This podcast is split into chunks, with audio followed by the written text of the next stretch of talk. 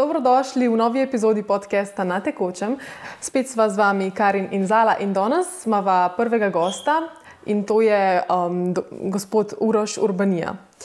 Gospod Urbanija, pozdravljeni in najlepša hvala, da ste se odeležili um, v najnem podkastu. Um, mogoče bi vas za začetek prosila, da bi mogoče samo povedali na hitro nekaj o sebi, vašo poklicno pot, um, izobrazbo, pa mogoče kje ste zdaj v preteklih letih um, se najbolj izpostavljali. Ja, hvala lepa za vabilo. Sem z veseljem prišel, ker se mi zdi, da tako mladi, ki te stvari delate, ki ste se pripravljeni tudi uh, javno izpostaviti, takih ni veliko. Tako da najprej vsa pohvala in kapo dol to, kar delate. Hvala. hvala. Uh, v nekem smislu me malo spominjate tudi na mojo mladosti, ker tudi jaz, ki sem bil še študent, uh, smo seveda. V 90-ih letih tedaj uh, uporabljali medije, ki so bili tedaj aktualni. Jaz sem predvsej sodeloval pri uh, Ognišču, tedajni direktor, uh, gospod Bole, uh, nam je dal možnost, uh, da smo začeli medijsko ustvarjati. Tam tudi je bila mladinska priloga oziroma revija Ognišča, to je bila Sončna pesem, uh, katere urednik sem bil in smo jo urejali. In to je bil tudi tak del, uh, seveda, čist splošne dogodke smo pokrivali, del pa tudi politično, od komentiranja tedajnih dogodkov.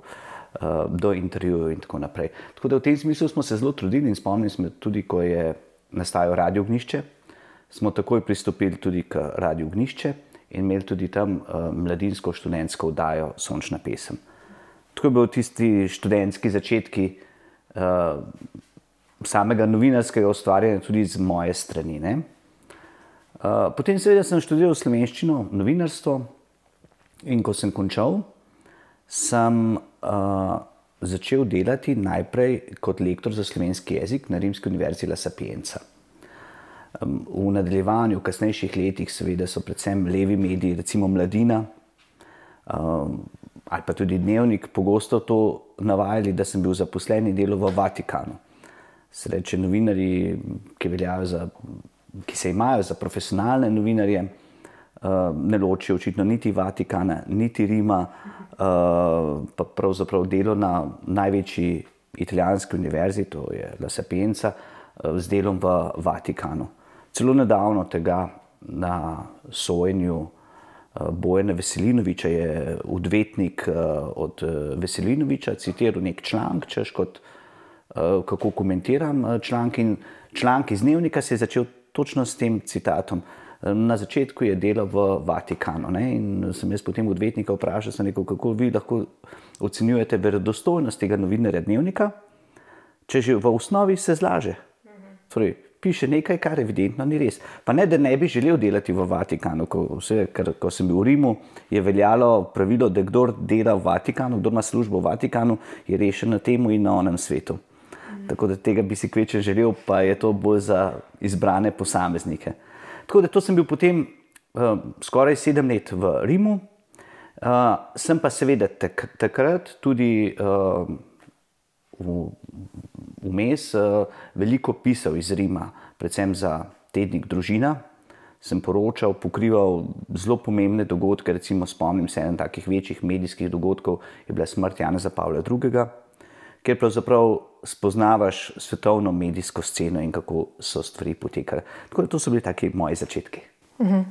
Ja, in potem ste pa v bistvu zasledili, da ste, torej, poleg tujine, ste potem delali tudi na STA-ju ne, pa potem na multimedijskem centru RTV, potem ste sodelovali pri Planet TV, sodelovali pri ustanovitvi Nove 24, potem ste pa 2020 uh, bil um, v UKOM-u. Ja, ampak jaz bi se v bistvu tukaj uh, dotaknila še mečkano vaše uh, karijere na STA, oziroma ko ste pač tam delovali. Uh, Vsi smo že slišali za ta zelo glasen primer, ki je bil takrat v letih 2009-2010, ko je bil še odgovorni urednik Borut Meško, ne, ko je bil deležen res tega veliko te šikaniranja strani direktorja Bo Bojana Veselinoviča, pa mobbinga in je potem uh, kmalo zatem tudi umrl. Ne. Zdaj pa vi ste bili takrat tudi njegov namestnik odboru ta Meška, če se ne motim, pa če lahko malo uh, poveste, kako je bilo takrat, ka, kakšna je bila ta situacija takrat. Lete, tako bi rekel, medijska krajina, kot jo spremljam zadnjih 30 let, se mi zdi, da gre iz slabega na slabše. Torej, v 90-ih se spomnim, smo vsi brali recimo delo eh, kot eden najbolj pluralnih časopisov. Ne glede na to, da je bil takrat celo urednik, potem tudi na Mitja Mršol, uh, pred njim uh, se spomnim te ekipe Vinka, Vesleta in tako naprej. Uh, reče, so bile neke, neka pluralna debata znotraj medijskega prostora ali pa znotraj osrednjih medijev. Uh, potem se je pa to če dalje bolj slabšalo v, seče, v obdobju 2000-2010. Seveda so bili neki poskusi pluralizacije tudi na RTV, tedaj se spomnite, je bil nov medijski zakon. Uh, nekaj malega sprememb je prišlo, recimo programski svet, uh, ki je bil tedaj, seče pred tem novim zakonom, podoben kot sedaj, seče razni predstavniki.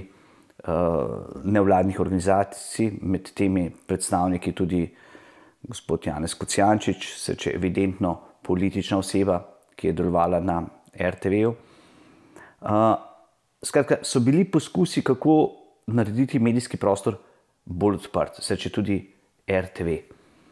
Uh, med drugim tudi potem Slovenska tiskovna agencija. Uh, in ne bom rekel, da je bilo enostavno. Ampak, če to primerjam deset let pozneje, uh, so bile stvari še sorazmerno normalne, ali pa eh, sprejemanje drugačnosti v tistem času je bilo vse širše. Je pa seveda Slovenska tiskovna agencija en tak tipičen primer, kako se je stvar začela radikalno zaostrovati. Uh, ko je nastopila mandat vlada gospoda Pahorja, uh, so imenovali novega direktorja Veselinoviča in to po hitrem postopku, to ni bilo uh, neke velike diskusije. Prejšnja direktorica je mogla zapustiti STA, tedaj se ni spraševala niti Evropa, niti Društvo novinarjev, pravzaprav nihče, kaj se dogaja na Slovenski tiskovni agenciji. In prišel je seveda Bojan Veselinovič. Bojan Veselinovič je očitno prišel z zelo jasno misijo, da se mora znebiti uh, odgovornega urednika Boruta Meška. In takoj, ko je nastopil mandat, so se začeli izjemni pritiski na Meška. Uh, to je, mislim. Iz... Se spomnite mogoče kakšnega konkretnega primera? Ja, dobro. Eno stvar je, kako je pravzaprav zahteval Veselinovič dobesedno ovajanje sodelavcev strani Meška. Meško od Meška je pričakoval, da bo vsak dan poročal uh, direktorju, kdo dela dobro, kdo je naredil kakšno napako in tako naprej. Ne? Se, če ne gre za neko običajen način poročanja, kako delo poteka, uh, ampak gre pravzaprav za precejšno uh, način, bi rekel, ki bolj spominja na prejšnje čase. Podobno je zahteva tudi od mene. Um, ko sem Meška v času njegove bolniške nadomeščal, Eh, tako da tukaj lahko povem iz prve roke, ker obstajajo še številni maili na to temo, eh, kako je pravzaprav on pritiskal in kaj je zahteval. In če s čem ni bil zadovoljen. Ravno zadnjič sem bral v časopisih, eh, da je izjavil na sojenju, da nikoli ni posegal v uredniške vsebine. Kar je seveda evidentna laž, ker obstajajo maili, ki jih je on pisal in ki jih je celo potrdil na enem studiu ob 17. sem po desetih letih te maile bral in je zgrožen v šoku, seveda, priznal, da ja, res sem to delal, ampak ni bilo to tako mišljeno, ampak je bilo drugače mišljeno. Seveda je pa bil njegov problem, da se je vedno oglašal, uh, ko so bile kakšne desne teme. Ko je Slovenska tiskovna agencija povzemala, ne vem, citiral sem večkrat, uh, novinarsko konferenco ali izjavo uh, gospoda Črnača, poslanca. Eh, se je, je Veselinovič pisal meni kot uredniku, če smo preverili, ali njegova izjava drži ali ne, predno smo jo objavili. Seče, popolnoma skregano z logiko delovanja eh, agencijskega novinarstva. Seče, če nek politik, visoki politik nekaj reče, je pravzaprav agencija dolžna to objaviti, brez komentarja, ali drži ali ne drži. To delajo potem seveda drugi mediji, ker agencija sama ne nagovarja širše javnosti, ampak medijsko javnost, torej novinari. In novinari potem seveda preverjajo te izjave.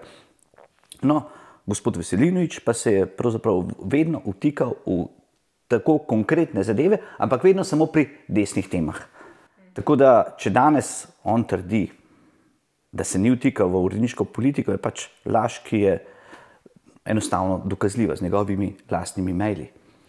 Uh, seveda, Meško je bil tak, bi rekel, nežna duša in teh ekstremnih pritiskov direktorja, uh, tega ovaduštva, ki se ga je prečkval od njega, um, to ni bilo pravzaprav v skladu z njegovo naravo in uh, ga je strašno prizadelo.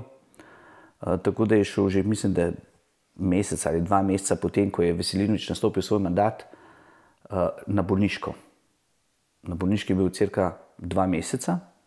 Jaz sem ga večkrat obiskal, uh, spomnim se pogovorov z njim ob uh, Podpeškem jezeru, kjer je pravzaprav mislim, da si bistril duha v tišini in lepoti narave.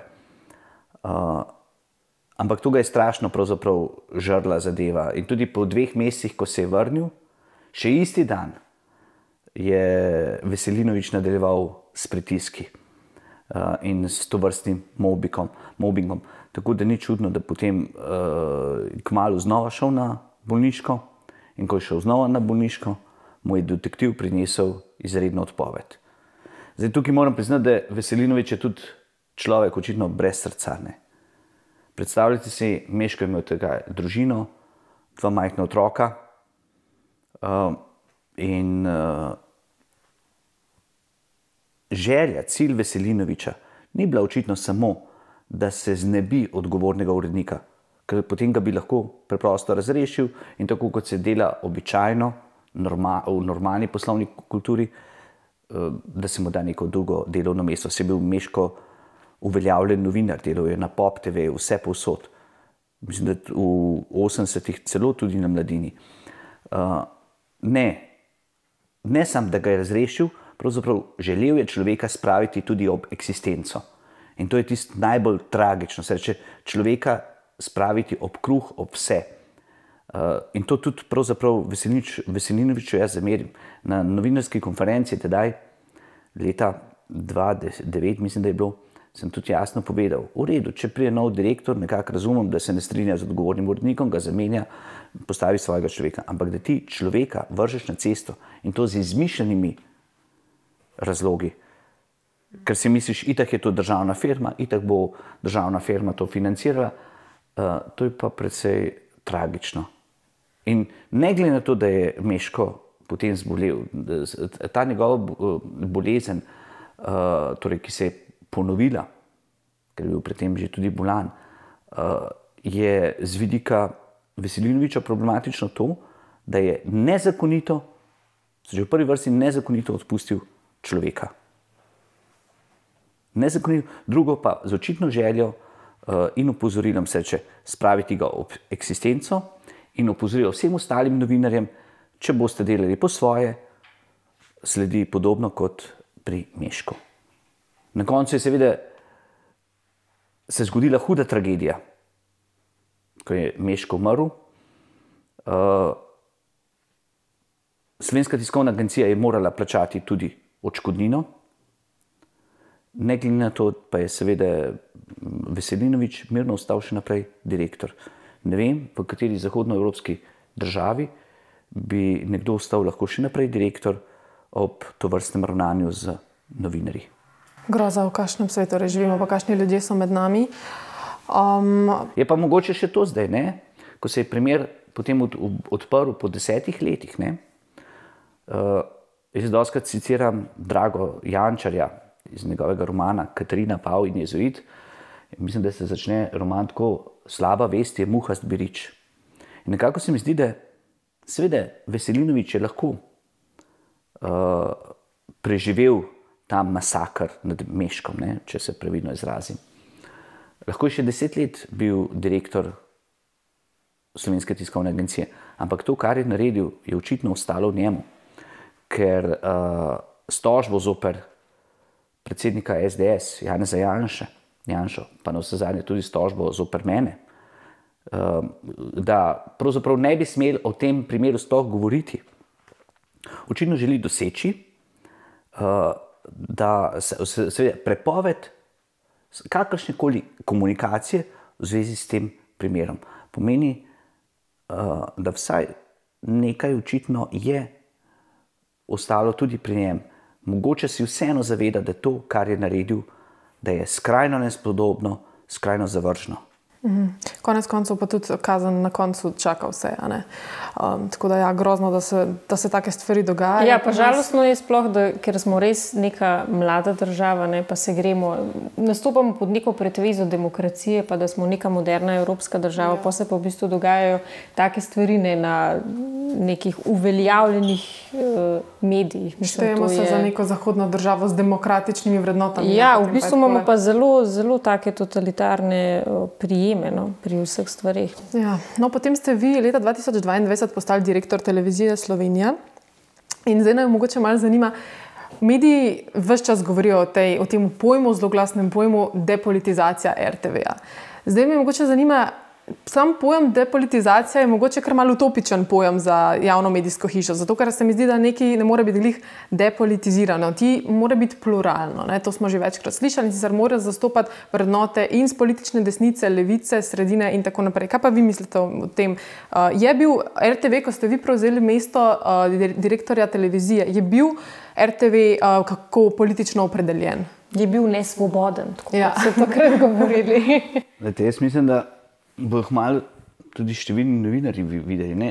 Prva stvar je, ko govorimo o svobodi. Ne? Dosti krat ste slišali, mogoče, ja, cenzura na RTV in tako naprej.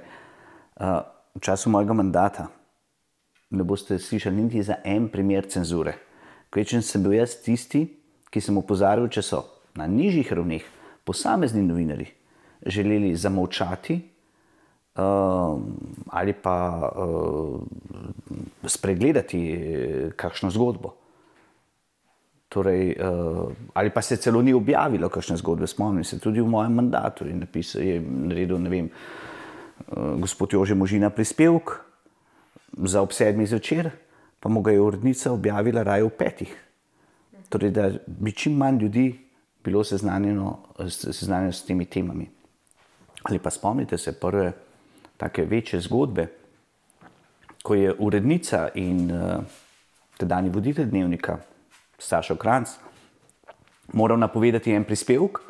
In sta napovedala, uh, prispevek je bil na temo mladina in pozivi uh, odgovornega urednika Gregorja Repovža v stilu nacističnih pozivov, da je treba vse, ki drugače razmišljajo, dobesedno eliminirati iz RTV-ja če po neki politični pripadnosti ali po kakršni koli pripadnosti.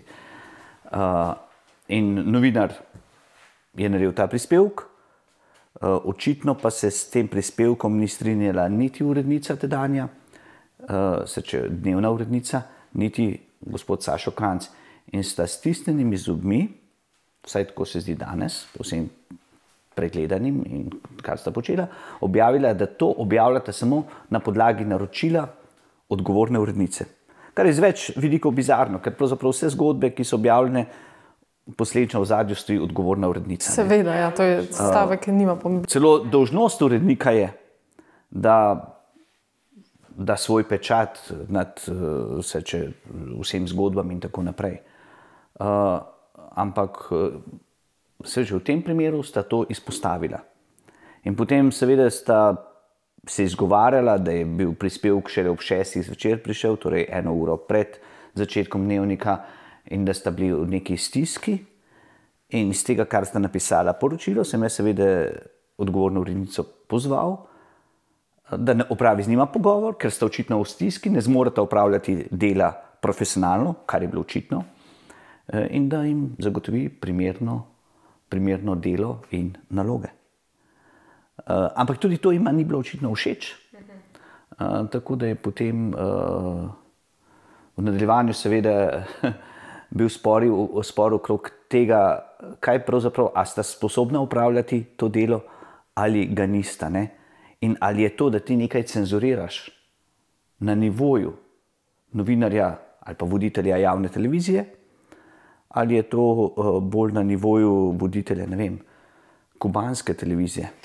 Ja, točno tako se pravi. Tukaj imam občutek, seveda, uh, da nekateri televizijo, nekateri voditelji, nekateri uredniki uh, še danes razumejo samo kot sredstvo uh, propagande posameznih političnih idej. Lastno trobilo, ja. Tako je. Ne, to, to je očitno. In v bistvu, kot pravite, se pravi na javni televiziji, veliko novinarjev dela kar mal po svoje, samovoljno.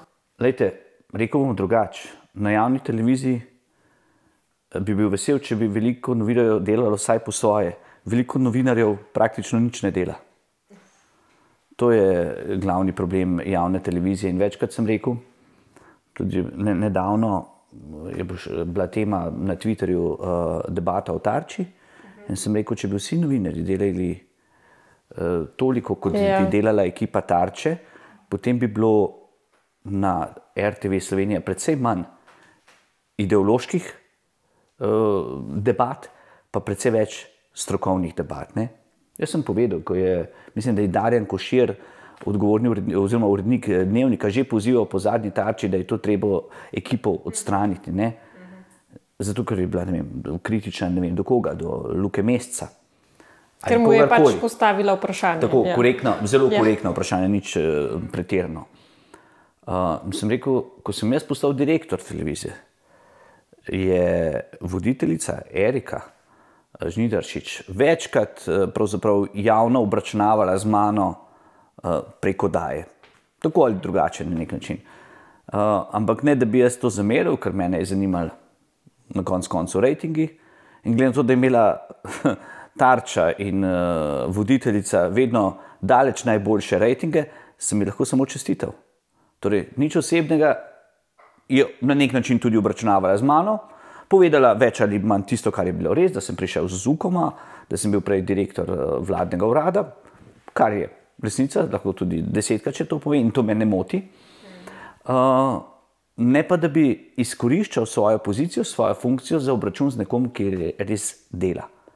In še enkrat, če bi vsi tako delali, bi bilo marsikaj drugače na RTV. -u. Ja, to, to smo v bistvu že slišali za ta primer, ne, da je v bistvu na RTV ogromno novinarjev, ki imajo zelo veliko minusurne. En, en tak primer uh, smo zasledili, je Igor Ebergant, ne, ki naj bi imel ogromno, nekaj čez 100 minusur, če se ne motim, da se je en večer zelo prišel štempljati za pet minut.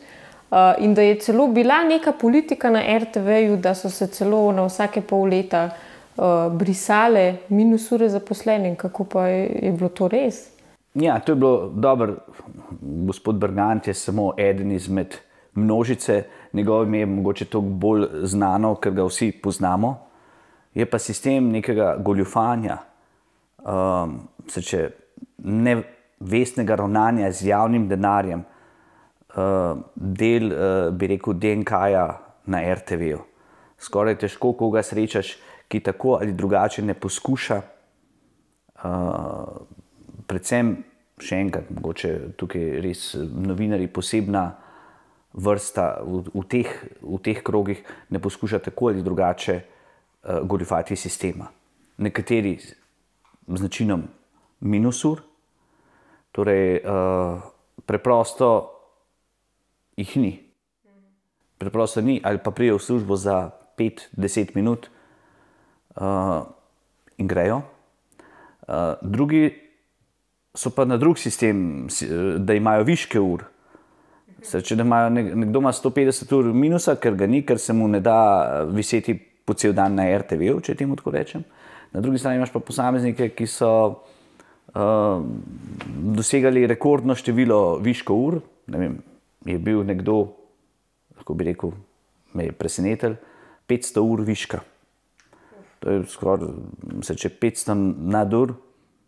Uh, in ko sem rekel, da te mi poročilo napisati, kaj pravzaprav delate.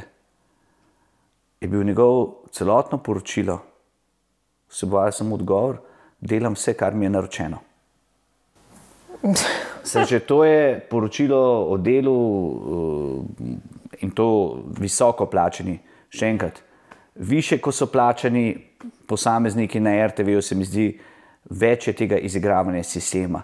In na drugi strani tisti najniže plačeni, ne, um, rekel, med 25 plačnim razredom in 35, uh, so pa res uh, nekateri trdo, trdo garali za ta svoj denar. Tako da neka diskrepanca med enimi in drugimi je zelo velika na RTV in to je nefer. Ja, se, se ne meče, seveda, vsega v isti koš, ampak mogoče kakšen kontrast se tukaj pojavi v primerjavi z zasebnim sektorjem. Se mi zdi, da se česa ta, takega skoraj da ne more privoščiti nekdo, ne? tukaj pa je tako izkoriščajo neki javni denar, v bistvu, na davkoplačevalski denar. Ja, ja, pa v bistvu, a ne, to so ravno te ljudje, ki so eno leto upili, da so razmere nevzdržne. Da, Ja, poglejte, se je pa dogajajo. res, da v celem mandatu sem jaz uh, eno samo gospod pustil. Uh, in še to po ne vem kolikih prošnjah naj neha goljofati, naj dela korektno. Uh, in očitno ni nič pomagalo. Prav bi rekel, kot, kot da namensko želi goljofati, goljofati, goljofati. Uh, Kot da se preizkuša neke meje. Ne? Ja. In kaj se je zgodilo? Prav to isto. Gospod, ki smo jo zaradi goljofij To, odpustili, to govorimo jo je, o, zemlji ja, pečevnika. tako, ja, ja. jo je podprla ministrica za kulturo, Asta Vrečko. Zdaj, če, če neka ministrica, ki itak se ne bi smela vmešavati v avtonomni medij, eh, se vmešava in podpre goljofijo na RTV, si ne predstavljam, kako goljofajo na ministrstvu, če je ministrica pripravljena javno podpirati goljofijo in povedati vsem zaposlenim v javnem sektorju, ni problem, če greste na službeno pot v Kan ali kam, kamorkoli drugod, tudi če vam ne odobrimo. Pojdite, pridete nazaj, itak vam bo javna uh, država vse povrnila, pa po možnosti uh, še nagradila. Grozno, kaj si v bistvu dovoli ministrica Asta Vrečko. Tudi ona je bila tudi uh, eden izmed uh, najvidnejših obrazov pri teh protestih pred RTV. Ja, ja, ja. Ja, lejte, to je ona je bila, mislim, tudi to v neki demokratični zahodni državi si ne predstavljamo, da bi minister ali pa ministrica protestirala skupaj z novinarji. Je dobesedno pozivala k vašemu Eh, odstopu. Tega se ne vidi nikjer ja. po svetu. Pa, Ja. pa še to, ne. že v osnovi novinari in politika so ločena zadeva. Meni mogoče učitajo, da sem prihajal z UKOM-a, tam sem bil direktor, eh, prišel tja kot eh, strokovni kader in odšel eh, tudi na RTV. Kot direktor se nisem smel in se ne moreš vmešavati eh, v uredništvo, v novinarski del delovanja RTV. Se že, da je to biti direktor na RTV pomeni bolj menedžerska funkcija, ne pa uredniška. Tako da tudi to ni čisto primerljivo. Ne, če dosti krat prej sem omenil Darjena Koširja, on je šel mirno duše, da se naslednja služba uh, mu je bila že spet uredniška. Že tukaj, uh, ampak kakorkoli. Uh, tukaj je ena razlika.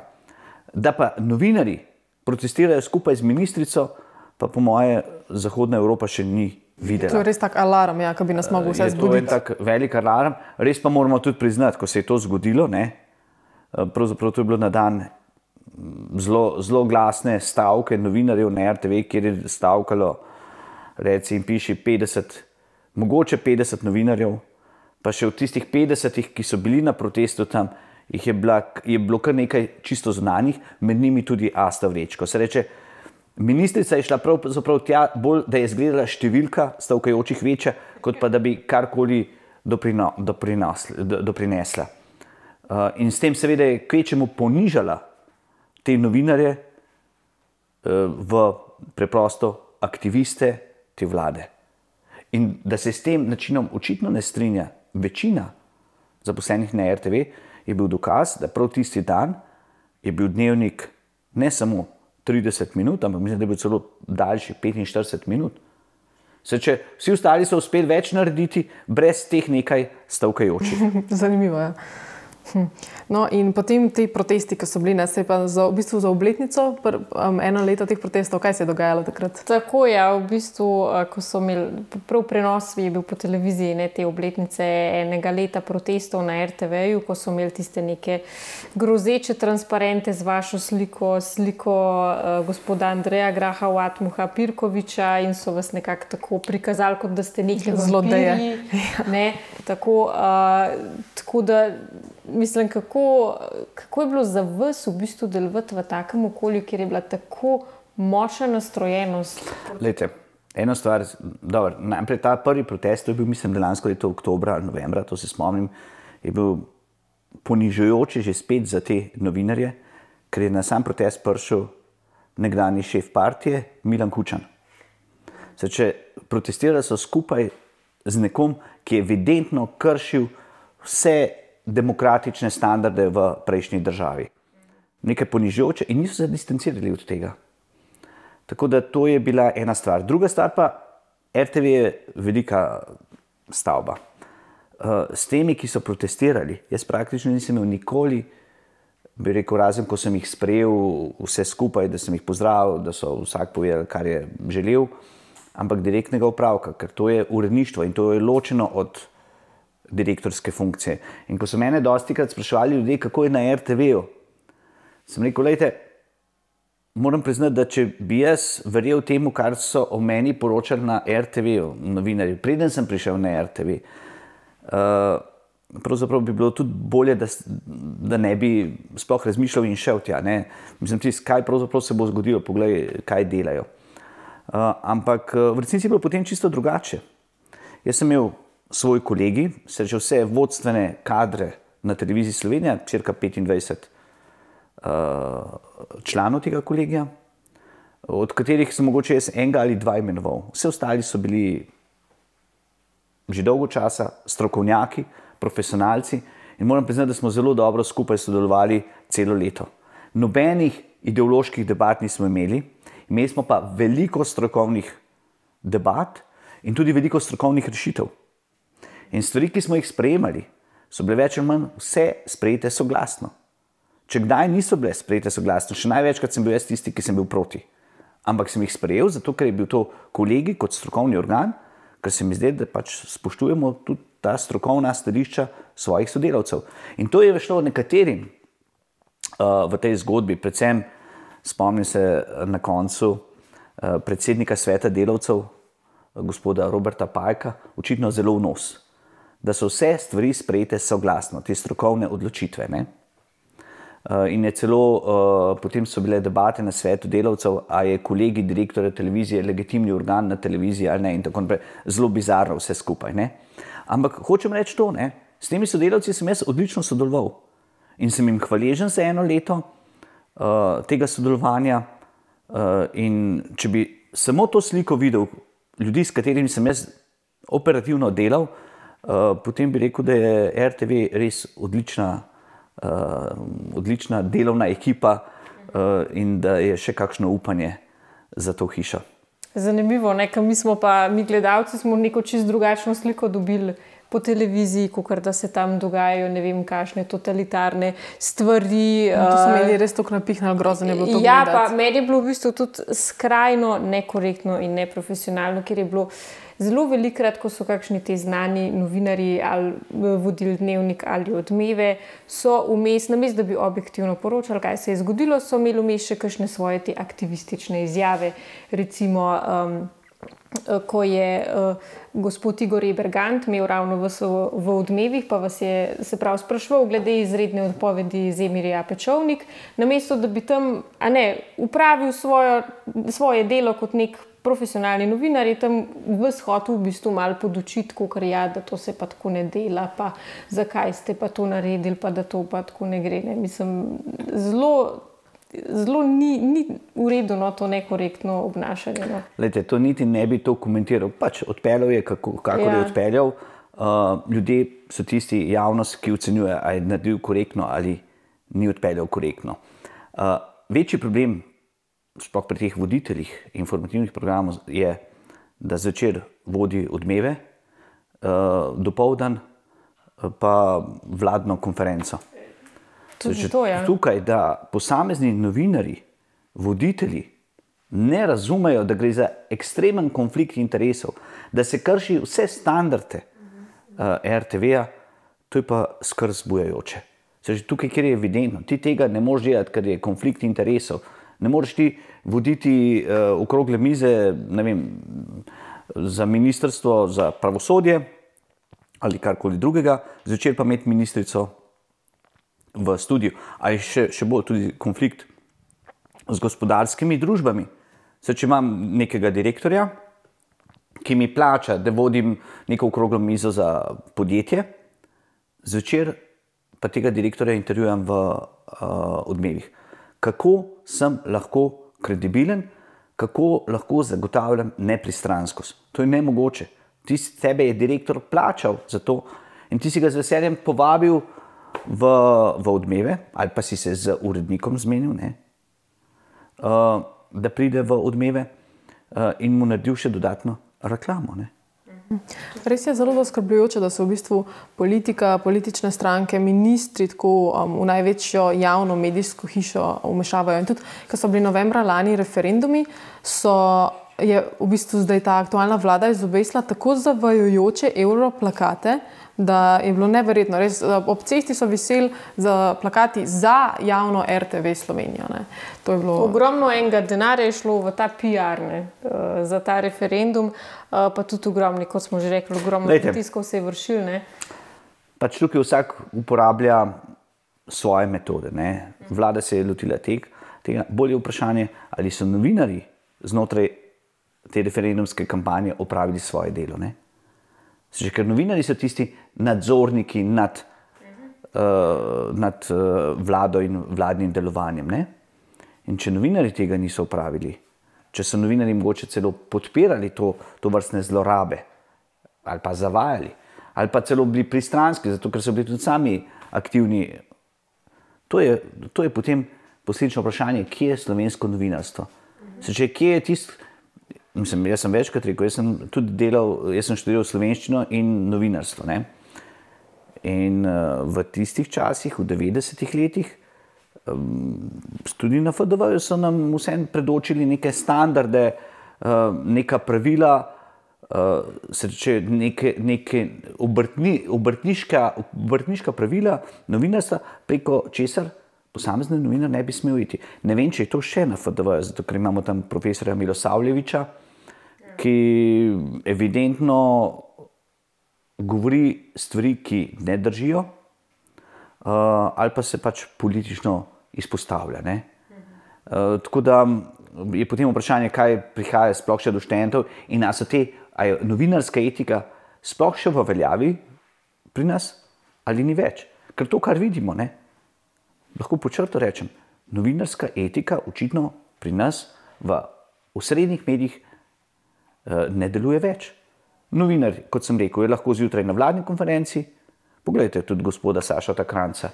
Slika se z ministrico, kjer vodi to, potem pa vodi, uh, vodi poročila, oziroma dnevnik, v katerem razlaga o tej ministrici. Ja, kon... So že čisto ja. take osnovne stvari, uh, ki, ki se zdijo nepredstavljive.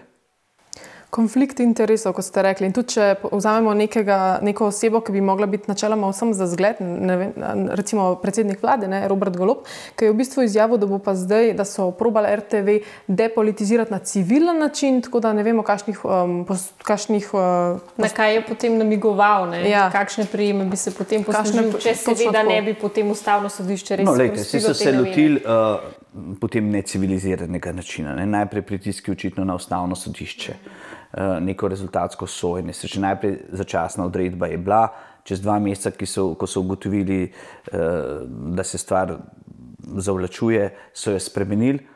A od tedaj naprej, se, če mislim, da od aprila dalje, še kaj govorijo o tem zakonu, da je treba hitro odločiti glede RTV zakona ali ne. Nič ne. Se, če stvar je potihnila, dosegli so svoje politično prevzeli zadevo za ceno zakonov. V nadaljevanju tudi svet, ki je bil imenovan. Poglejte, eh, generalnega direktorja, gospoda Graha, od Mama, kako so odstavljali. Dobesedno so si izmislili razloge. Najprej, prvič, generalni direktor je bil na dopustu. In spomnite se, kako bizarne afere so sprožili, češ, da ga iščejo, da ga da dobijo. In ko sem jaz to videl in ko sem šel na dopust, sem pisal predsedniku sveta, gospodu Forbiciju, Zdaj, če meni mislite z detektivom iskati med dopustom, vam povem, da sem v divjini, kjer ne deluje signal. Če boste ja. potem jezni na detektiva, ker me ne bo našel, uh, lejte, si sami pripišite. Uh, med dopustom se pač človek res ne, ne išče kar tako. Ne, ne moreš pričakovati, da bo med dopustom čakal ne vem, odločbo predsednika sveta nekdo doma. Ampak kljub vsemu so to šli propagandno vojno, se če ne najdemo ga. Še celo Osem- 8. marec je Ja. mešal, ne? S Ja, tistimi 8. marec je dal v uh, propagandne plakate uh, ven v smislu divjega zahoda, pripeljite ga živega ali mrtvega. Se že nekdo, ki na drugi strani govori, uh, vem, sovražni govor, gor dol, poziva, da pripeljejo človeka mrtvega, če že živega ne dobijo. Ne? Uh, se, če je to bila ena stvar, potem kaj so si izmislili? Praktično vse razloge za njegovo odstavitev so si dobesedno izmislili. In en tak primer je bil, da generalni direktor ni odobril uh, odvetniške pisarne Čeferin, da bi svetovala gospodu Fur- Furbiciju. Generalni direktor ni imel s tem primerom popolnoma nič, ker sem ga jaz nadomeščal in jaz nisem tega odobril. In jaz sem bil podpisan pod odločbo. Mislim, v kateri pravni državi dejanje, ki ga nekdo evidentno zagreši, pripišeš drugi osebi. Se, če to je bila ena taka stvar, nisem pa seveda dal za to, eh, ker eh, javni, eh, javno naročanje ima neke omejitve. Moraš dobiti najcenejšega ponudnika, ne pa najdražjega. Če, če, če je na tem. Se, če dobesedno si, so si izmislili razloge, da so generalnega direktorja odstavili. Če povozili so pravo. Ker uh, v, tudi po novem zakonu je bilo, da je generalni direktor vedel upravljati do imenovanja predsednika, uh, do uh, konstituiranja celotne uprave. In niso mogli počakati deset dni. Niso mogli počakati, raje so si izmislili razloge in ga odstavili. Podobno so potem seveda naredili deset dni kasneje z mano. Mhm, Tudi vas je doletela v bistvu ta usoda, dobili ste izredno uh, odpoved in na tej, se v bistvu na tej seji se niti niste smeli zagovarjati. Ne, pa v bistvu najbolj so zanimivi ti razlogi, zakaj ste sploh dobili izredno odpoved. Jaz jih v bistvu sploh nisem zapomnila, ker so tako Ker bizarni. naj bi neki uslužbenki dali neka pooblastila, ali kako naj bi Na bilo. RTV je bila finančna, finančnica praktično 30 let, vseh direktorjev, tudi mene, um, ki, se, ki je imela seveda skozi pooblastila. Vsa pooblastila. In tudi jaz sem ji dal ta pooblastila za podpisovanje računov uh, in tako naprej. Uh, predvsem pa za verifikacijo, ker je res izjemno strokovna gospa, uh, profesionalna.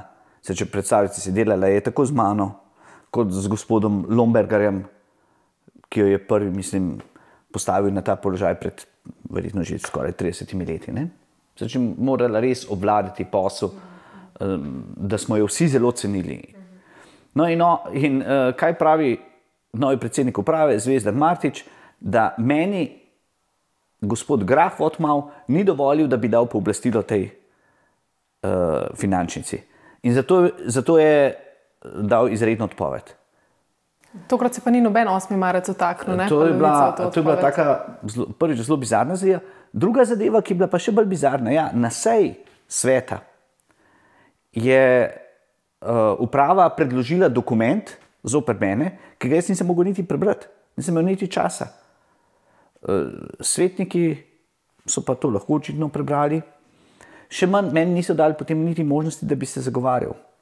Ker ko sem jaz potem to prebral doma, Kaj, zakaj pravzaprav mi niso pustili, da se zagovarjam? Oni so trdili, da nimam nobenih materialnih dokazov za to, kar govorim, da sem imel soglasje, da sem obvestil tudi generalnega direktorja, potem, ko sem dal pooblastilo, sem poslal v vednost tudi seče gospodu Grahu Vatmavu in tako naprej. Uh, kar je bilo seveda evidentna laž. Ker prvič, če mislite, da se direktor ukvarja s temi pooblastili, pa z vso to dokumentacijo, se nisem. Jaz sem samo zaprosil, za, ko, ko se je ta zgodba začela, za vso dokumentacijo in sem dobil vse maile, vse korespondence na to temo iz tistega časa. Sreče, uprava je dobesedno lagala, Zvezdan Martič je lagal, da, uh, da ni materialnih dokazov. In zato mi seveda tudi niso pustili, verjetno na sami seji sveta, govoriti, ker potem, če imaš ti neke dokaze, uh, maile objaviš, pokažeš, evidentno stvari stojijo. Tako da, lejte, zdi se stvar bizarna, se že še enkrat so šli, uh, kršili vse pravne norme, kar bo seveda sodišče presojalo.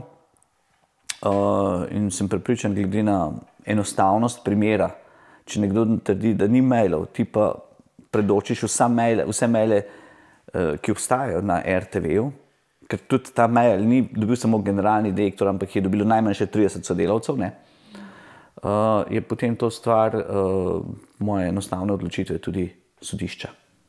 Ampak ne, kaj bi bilo? Raje kršimo zakon, raje kršimo vsa pravila, uh, samo zato, da, uh, da se znebimo ne, najprej generalnega direktorja, potem mene, pa še to ni, mi ni čisto jasno, zakaj.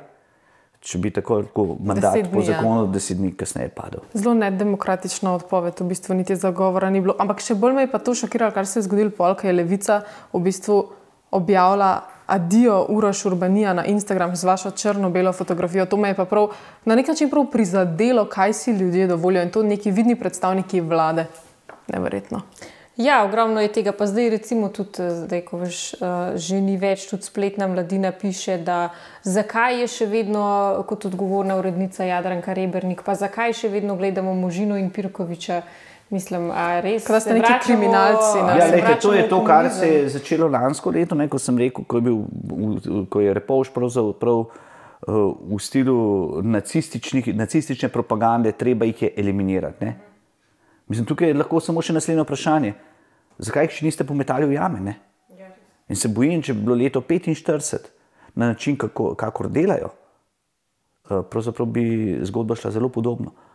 Ker kar je res, eh, če ima nekdo absolutno oblast, in to jo imajo na RTV-ju sedaj, seveda, enoumni sistem, da ne rečem enopartijski sistem znotraj sveta, kjer je vse soglasno.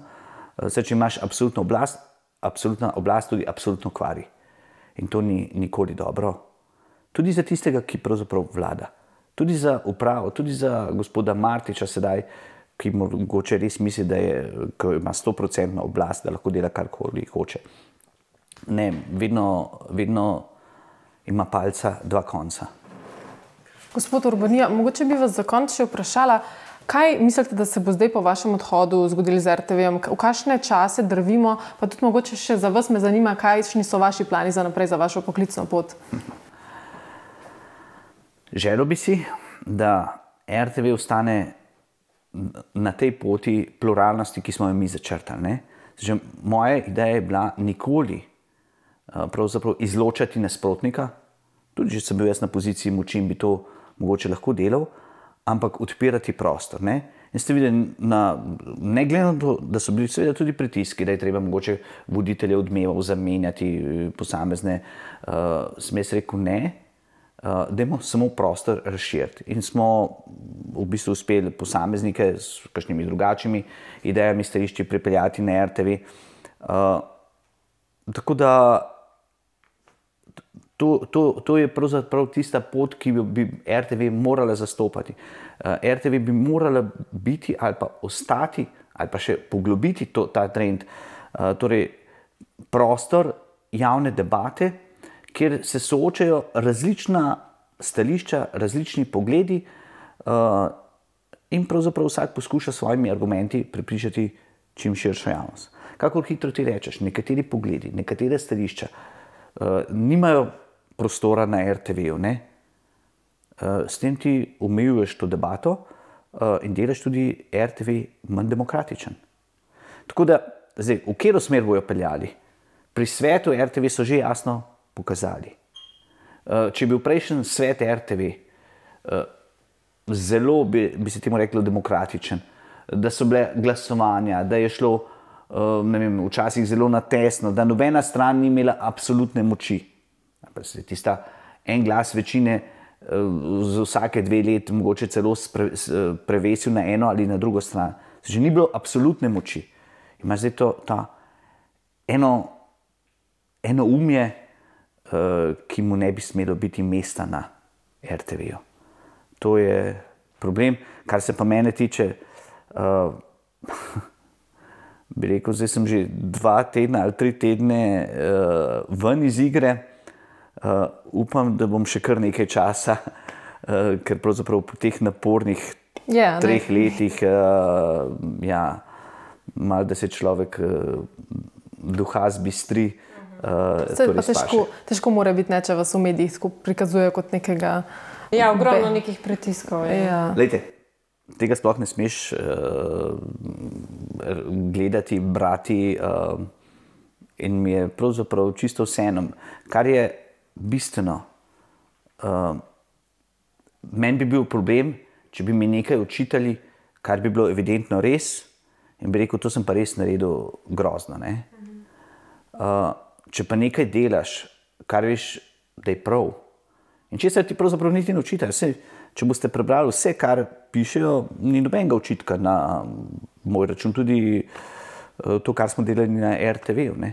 Smo stvari dobro peljali, uh, ni, ni nekih konkretnih. Ja, zelo... Nekdo reče, uh, ne vem. Ta je pa grozen, v redu, nekomu sem grozen, nekomu si mogoče bolj simpatičen, drugemu manj. To ni problem in to jaz štejem kot medijsko svobodo. To, kar mladina piše, lahko piše karkoli želijo. Mene niti ne tangira, kaj dosti, ker jih ne berem. Tako da ne vem, kaj mladina piše, sploh odkar smo tudi na RTV ukinili uh, naročnine na, na mladino. Uh, tako da to je pač problem tistega, ki piše. Uh, sploh, če, če ne bereš, uh, ne smeš se s tem obremenjevati. Ker če se s tem obremenjuješ, potem pravzaprav začneš ti mediji ali pa posamezni novinari narekujejo tempo, kaj moraš delati. Ne? To se dogaja tipično pri vladi. Gospod Robert Golop se na trenutke zdi, da ne vodi vlade, ampak da jo vlada, vodijo vsi drugi, ne? prvi vrsti pa mediji. In to na dolgi rok ni dobro, ker mediji danes bojo nekaj zahtevali od tebe, ali pa nekaj pričakovali, te morda celo za nekaj pohvalili, že čez en teden znajo pisati, govoriti diametralno nasprotno. In potem izgubiš kompas, orientacijo, in potem sploh je vprašanje, zakaj si na funkciji, kjer si.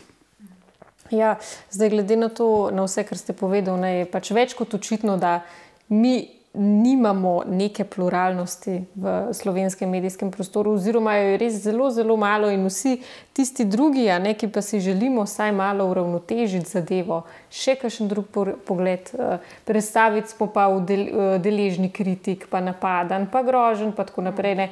In uh, tudi jaz upam na tej točki, no, da se bo to kdaj spremenilo, sicer zdaj res uh, kaže bolj slabo, saj kar se tiče javne RTV. Ampak uh, hvala, no, ker ste bil najen ja, gost. Najlepša hvala, res. Um, pa, ja, upam, da ste uživali v ogledu tega podcasta z najnim prvim gostom. Ne se pozabite naročiti na najen kanal, um, naj jo pofollowate na socialnih omrežjih, pa se vidimo naslednjo nedeljo z novim gostom.